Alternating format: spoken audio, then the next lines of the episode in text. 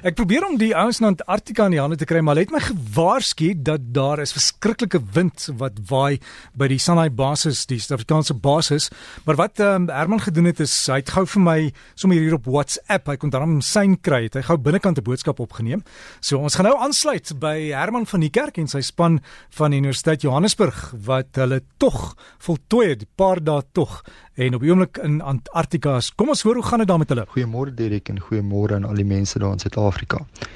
Wel van ons laas week en Saterdag gepraat het, het ons nou natuurlik uiteindelik ons pad gemaak tot hier by die Suid-Afrikaanse basis Sanai 4 op Wesles Karwet in Antarktika.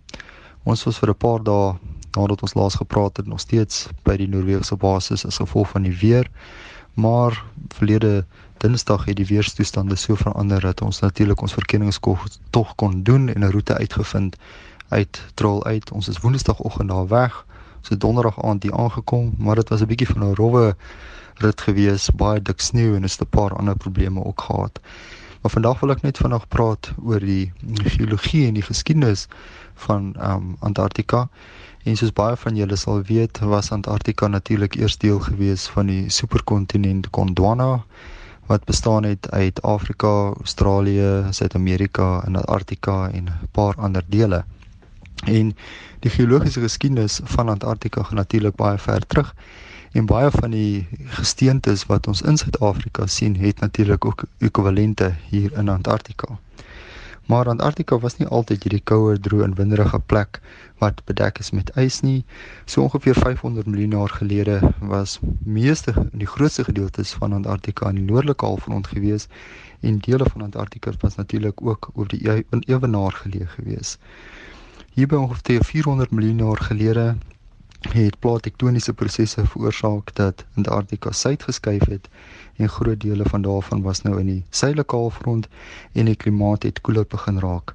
By ongeveer 360 miljoen jaar gelede het Antarktika natuurlik uiteindelik hier oor die, sy posisie oor die suidpool begin inneem en die klimaat was natuurlik heelwat koeler, maar daar was nog baie plante gewees. En dis hierdie plante wat natuurlik gefossileer is en oorsprong gegee het aan die groot steenkoolafsettings wat ons in die Transantarktiese bergreeks vind vandag. So ongeveer 250 miljoen jaar gelede het die kontinent weer warmer begin raak en dit het gelei tot warm en droë toestande en Antarktika was hoofsaaklik woestyn gewees. En net na 250 miljoen jaar gelede was daar natuurlik ook baie van hierdie soogdieragtige reptiele soos Lystrosaurus waarvan ons fossiele ook in Suid-Afrika kan vind hier in Antarktika. Nou hierdie superkontinent Gondwana waarvan Antarktika deel was, het natuurlik uiteindelik begin opbreek en dit is hierdie veranderinge in die seestrome as gevolg van die opbreek van hierdie superkontinent wat veroorsaak het dat Antarktika geleidelik begin afkoel het. So ongeveer 160 miljoen jaar gelede het Afrika en Antarktika van mekaar af opgebreek en by 66 miljoen jaar gelede was Afrika en Australië nog by mekaar en die klimaat was redelik subtropies geweest. 40 miljoen jaar gelede het Australië ook natuurlik weggebreek van Antarktika af en die eerste ys het begin verskyn hier op hierdie kontinent.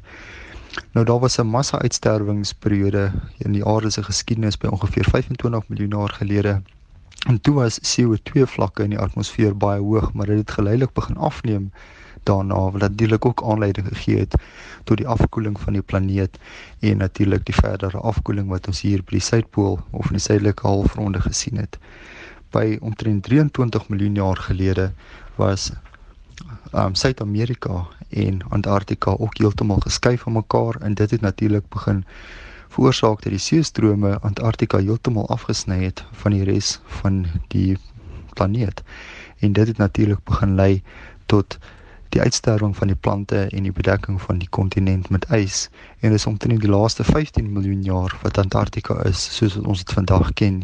Hierdie koue winderige plek met baie ys en dis natuurlik wat ons ons as geoloë hier probeer doen ons probeer kyk na die stukkies klip die nunataks wat die tip van die berge is wat uitsteek deur die ys om te probeer verstaan wat aangegaan het in die geologiese geskiedenis van Antarktika Nou volgende week sal ons 'n bietjie meer praat oor die geografie van Antarktika.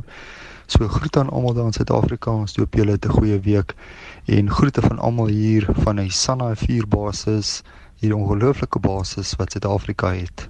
Totsiens. Totsiens baie dankie aan Herman van die kerk en sy span daar ver in die IJsland.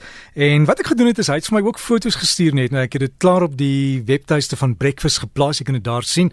En jy het nog nooit so baie ys gesien en ek sien hoe klein is die rooi tentjie waarin hulle oornag het.